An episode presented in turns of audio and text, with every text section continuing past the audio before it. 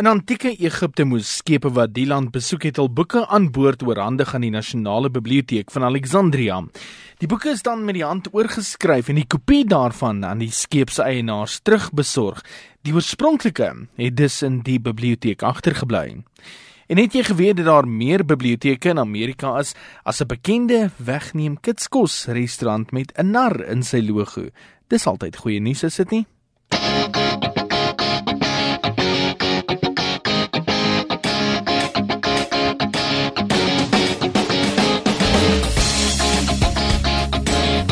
Biblioteke. Baie van ons het daarmee groot geword. Dit was ons Google. Deesdae kry dit dalk nie die aandag wat dit verdien nie. Het jy geweet dat in Noorwe die regering 1000 kopieë van jou boek sal koop en na biblioteke in die land versprei as jy 'n skrywer is? En dat die Guinness Book of World Records die boeke vir die meeste vasgelê word by biblioteke in die wêreld. En as jy net tegnologies wil raak, dan sal alle boeke in die Amerikaanse Kongres se bewaringskamer ongeveer 15 teragrepe opneem in data spasie. Mense dink dis nogal meer, né? Nee. Nou wat is nou lekkerder om in 'n stil omgewing te gaan sit met 'n boek en dit net in te neem. Maar soos tegnologie aanbeweeg, moet die biblioteke ook aanbeweeg om by te hou.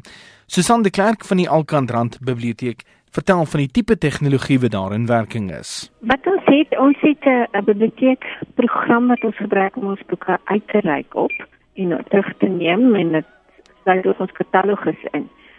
Um, en dan gebruik ons handscanners om die uh streepkode op die boek te lees. Hmm. En dit word geregistreer aan op die program of die boek nou in of uit is en of uh, pad is iewers heen of wat ook al. En dan het ons ook vir die publiek het ons um, rekenaars wat hulle kan gebruik om op die internet mee te gaan. En dit is dit. Elektroniese boeke op slim toestelle vorm ook deel van baie mense se daaglikse bestaan. Jy's omdat dit nie altyd moontlik is om 20 boeke by jou te dra nie. So wat doen biblioteke om by te hou met e-boeke? Ja, ons is deel van die Overdrive program wat ehm um, die provinsie het. Hmm. So dan gebruik jy jou biblioteekkaartjie die nommer daarop as jou toegang tot Overdrive. En dit is e-boeke wat jy dan kan uitneem. Dis ook so vir 2 weke en dan verdwyn jou koneksie met die boek na 2 weke. Susan de Klerk. Iets om in gedagte te hou.